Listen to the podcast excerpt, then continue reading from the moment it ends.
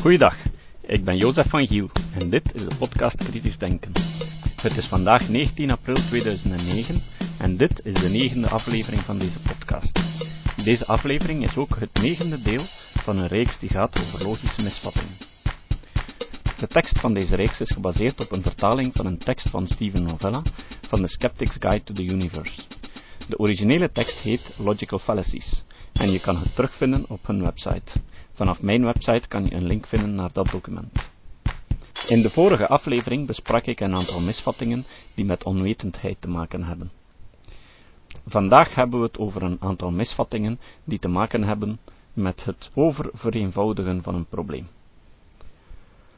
Momenteel onverklaard verwarren met onverklaarbaar. Het feit dat we op dit moment geen goede uitleg hebben voor een fenomeen, betekent nog niet dat het fenomeen voor altijd onverklaarbaar is, of dat het daarom de wetten van de natuur overtreedt, of een paranormale uitleg nodig heeft. Een voorbeeld hiervan is de god van de gaten-strategie van creationisten, die elk door de evolutie onverklaard fenomeen als onverklaarbaar bestempelen en dus als een tussenkomst van God. De geschiedenis van de wetenschap heeft ons echter geleerd dat zelfs de meest onverzettelijke mysteries van de natuur uiteindelijk moeten wijken voor wetenschappelijk onderzoek.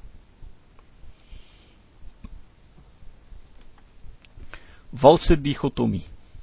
Deze misvatting bestaat erin dat men willekeurig een verzameling van vele mogelijkheden terugbrengt tot twee.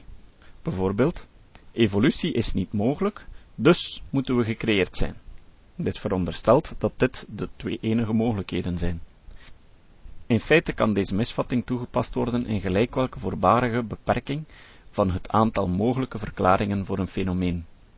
Niet noodzakelijk tot slechts twee mogelijkheden. UFO-voorstanders bijvoorbeeld zullen een waarneming dikwijls analyseren door te zeggen dat het object geen vliegtuig was, geen ballon en geen hemellichaam. Bij gevolg was het een vliegende schotel. Ze limiteren de lijst van mogelijkheden tot een beperkt aantal gemakkelijk af te wijzen keuzes en de gewenste keuze, terwijl ze vele andere mogelijkheden buiten beschouwing laten. Deze misvatting kan ook gebruikt worden om een continuum van variatie te vereenvoudigen tot twee zwart-wit keuzes. Bijvoorbeeld, wetenschap en pseudowetenschap zijn geen twee discrete entiteiten, maar de methodes en beweringen van de twee pogingen tot het beschrijven van de realiteit lopen over een continuum van het ene extreem tot het ander. In de politiek wordt deze misvatting dikwijls teruggevonden bij extreme groepen. Zo zullen kapitalistische partijen er dikwijls op wijzen hoe een communistisch regime leidt tot algemene armoede en de vooruitgang stopt. Communisten zullen wijzen op de excessen van het kapitalisme en de gevolgen ervan voor de gewone man en voor het milieu. Waarschijnlijk liggen de beste politieke modellen echter ergens tussen beide modellen. In systemen waarbij een noodzakelijke controle bestaat, maar tegelijkertijd genoeg ruimte is voor privé-initiatieven. Extremisten maken gemakshalve de opdeling tussen mensen op basis van bepaalde eigenschappen, zoals bijvoorbeeld huidskleur. Ze delen graag op tussen zwarte en witte, of bruine en witte. Maar als je beter rondkijkt, dan stel je vast dat er eigenlijk een continue variatie van huidskleuren bestaat, en dat het in werkelijkheid onmogelijk is om een strikte scheiding te maken tussen de groepen. Het naziregime heeft ook moeten vaststellen dat het Arische ras eigenlijk niet bestaat. De valse dichotomie wordt heel dikwijls gebruikt omdat we de neiging hebben om dingen te vereenvoudigen om er beter vat op te krijgen. Het bestaan van stereotypen is zo'n voorbeeld. Ik betrap er mezelf ook dikwijls op. Het opbouwen van stereotypen om zaken zoals bijvoorbeeld maatschappijen beter te begrijpen is op zich niet verkeerd. Het kan helpen om een cultuur beter te begrijpen, maar je mag niet uit het oog verliezen dat het maar een vereenvoudigd model is, en je moet ook voortdurend openstaan om je mening te herzien. Het is goed om te begrijpen hoe de culturen van bijvoorbeeld een Fransman en een Duitser in elkaar zitten als je met hen in contact komt in je professionele leven. Een Fransman, een Fransman kan tijdens een vergadering vriendelijk zijn en nooit tegenspreken, maar na de vergadering doet hij gewoon zijn goesting. Voor een Fransman worden de beslissingen namelijk voor de vergadering genomen. De vergadering zelf dient eigenlijk alleen om formeel te bekrachtigen.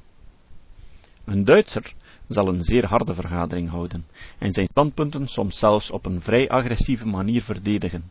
Maar na de vergadering zal hij zich houden aan de gemaakte afspraken, zelfs als ze niet overeenkomen met zijn eigen standpunt. Dat zijn twee modellen die helpen om de twee bevolkingsgroepen beter te begrijpen en beter met hen te kunnen vergaderen, maar het blijven stereotypen. Ik ken heel veel Fransmannen die zich wel aan de afspraken houden, en ook veel Duitsers die steeds vriendelijk zijn tijdens de vergaderingen. Vals continuum. Dit komt neer op het idee dat, aangezien er geen duidelijke afbakening is tussen twee extremen, het verschil tussen de twee extremen niet echt van enige betekenis is. Er is een grijze zone tussen cultussen en religies, dus zijn ze eigenlijk hetzelfde. Deze misvatting is vooral belangrijk om de context van de geneeskunde te begrijpen. De meeste menselijke kwalen variëren over een Gauss-curve van variatie. Ongezond wordt dikwijls gedefinieerd als te ver naar één of ander extreem overhellen. Vals continuum logische misvatting wordt dan soms gebruikt om te argumenteren dat deze extremen slechts een deel zijn van een continu en dus irrelevant zijn. Maar dat is hetzelfde als zeggen dat klein en groot geen betekenis hebben, omdat de menselijke lengte een continuum van variatie is. Bloeddruk is een goed voorbeeld. We kunnen op een zinvolle manier bloeddruk definiëren omdat het correleert met een verhoogd risico op bepaalde ziekten, zoals hartaanvallen. Ondanks het feit dat hoge bloeddruk een bovengrens is van een continuum van variatie. Deze logische misvatting stelt voor een stuk het ongemak voor dat gebonden is aan het concept van een grijze zone tussen twee extremen. Maar zo'n grijze zones zijn meer regel dan uitzondering in een complexe wereld. In politiek correcte middens wordt kritiek op de islam nogal gemakkelijk afgedaan als racistisch of islamofoob. Ik denk dat er nogthans een essentieel verschil bestaat tussen een fascistische vorm van het catalogeren van moslims als minderwaardig en iedereen wijzen op de gevaren van een doctrine die een groot aantal principes heeft die indruisen tegen de fundamentele rechten van de mens. Zo heb ik heel veel mensen tegengekomen die de Nederlandse politicus Geert Wilders als racistisch bestempelen omwille van zijn film Fitna. Ik vond dat als je kritiek wil uiten op een film, je eerst moet zorgen dat je hem gezien hebt. Dus heb ik de moeite genomen om de film bij de publicatie onmiddellijk te downloaden, zodat ik me een mening kon vormen. Het was voor mij al lang duidelijk dat YouTube de film heel snel zou blokkeren. Het is dan ook gebeurd. Een aantal alternatieve filmsites, zoals Wikileaks, hebben de film wel ter beschikking gesteld. Ik heb de film dus bekeken. Ik heb niets racistisch gevonden in de film, toch niet vanwege Wilders. De film bestaat uit een aaneenschakeling van beelden die uit het nieuws geknipt zijn en over de islam gaan. Telkens voor de scène toont hij een vers uit de Koran, die, toeval of niet, klinkt als een opdracht voor de actie die in de scène erachter getoond wordt. Volgens mij is dit niet echt racistisch. Naar mijn mening zijn racistische argumenten ad hominem argumenten, zoals bijvoorbeeld in een toespraak spreken over de Joden, maar het hebben over zwijnen. In de film zie je een imam die de Joden zo noemt. Mijn punt is dat men een vals continuum veronderstelt tussen mensen die terecht kritiek geven op een leer en mensen die a priori tegen alles zijn wat vreemd is. In dit voorbeeld kan je ook een argument van vroegere fout terugvinden. Sommige mensen zullen de film van Wilders niet willen aanvaarden, omdat ze het niet eens zijn met zijn politieke opvattingen. Ik ken persoonlijk zijn politiek programma niet goed, maar dat zou geen rol mogen spelen in de beoordeling van zijn film. Wilders is trouwens niet origineel met zijn film. Onder andere Theo van Gogh heeft in zijn film Submission ook de immoraliteit van de islam aangeklaagd. En wie graag meer wil weten over een aantal principes van de islam, die moet zeker kijken naar de documentaire met de naam Everything the West Should Know About the Islam. Een film waarin veel islamdeskundigen en ex-moslims aan het woord komen en die uitlegt welke morele principes door de Koran worden naar voren gebracht. Nog een misvatting die je hier kan terugvinden is specifiek pleiten. Niemand heeft er problemen mee dat de kerk bekritiseerd wordt. Maar als de islam bekritiseerd wordt, ligt het allemaal veel gevoeliger. Glijdende helling. Deze logische misvatting is dat het betoog van een persoon niet consistent of houdbaar is, omdat het aanvaarden van een standpunt inhoudt dat het extreme van de positie ook aanvaard moet worden. Maar matige standpunten leiden niet noodzakelijk tot het afglijden naar het extreme. Er kunnen verantwoorde redenen zijn om gematigde standpunten te aanvaarden. Bijvoorbeeld, mensen zoals Thomas Sass, die geloven dat mentale ziekten niet bestaan, betogen dat als we depressies als een ziekte klassificeren, dat zal leiden tot regeringen die politiek protest klassificeren als een mentale ziekte, omdat ze beiden mentale toestanden zijn. Dit glijdende hellingsargument verwaarloost de belangrijke verschillen tussen een stoornis van verzwakt gemoed en een politiek standpunt. In het islamofobie-debat wordt dikwijls vermanend verwezen naar de manier waarop Nazi-Duitsland destijds de Joden stigmatiseerde. Nochtans is het belangrijk dat gerechtvaardigde kritiek kan geuit worden.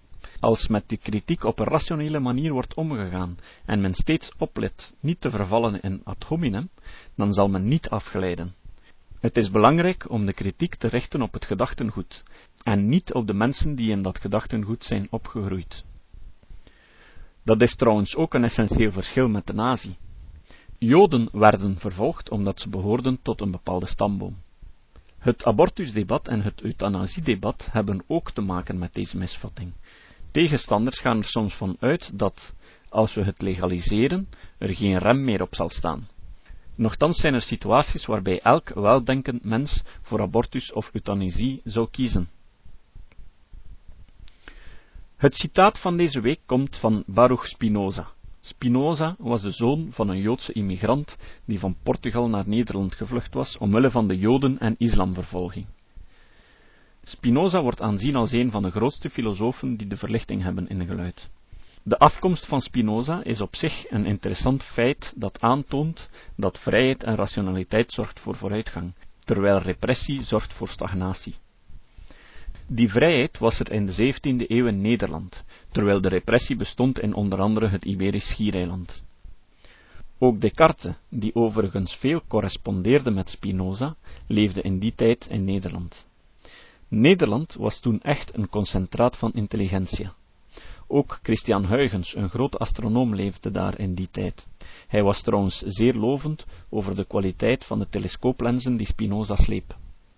Spinoza was trouwens van beroep lenzenslijper. Met Spinoza's filosofisch stelsel begint de traditie van het radicale denken. Hij was de eerste die het bestaan van wonderen en het bovennatuurlijke ter discussie stelde. Spinoza was ook een voortrekker in het pleidooi voor de volledige vrijheid van meningsuiting. Spinoza zei: Daarom moet de vrijheid van oordelen nog veel eerder toegestaan worden, want die is waarschijnlijk ook een deugd en kan niet onderdrukt worden. Dat komt uit Tractatus Theologico Politicus, hoofdstuk 20, alinea 10. Tot de volgende keer.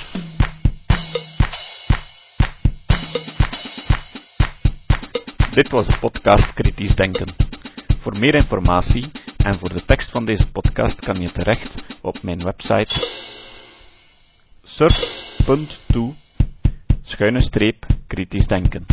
Tot de volgende keer.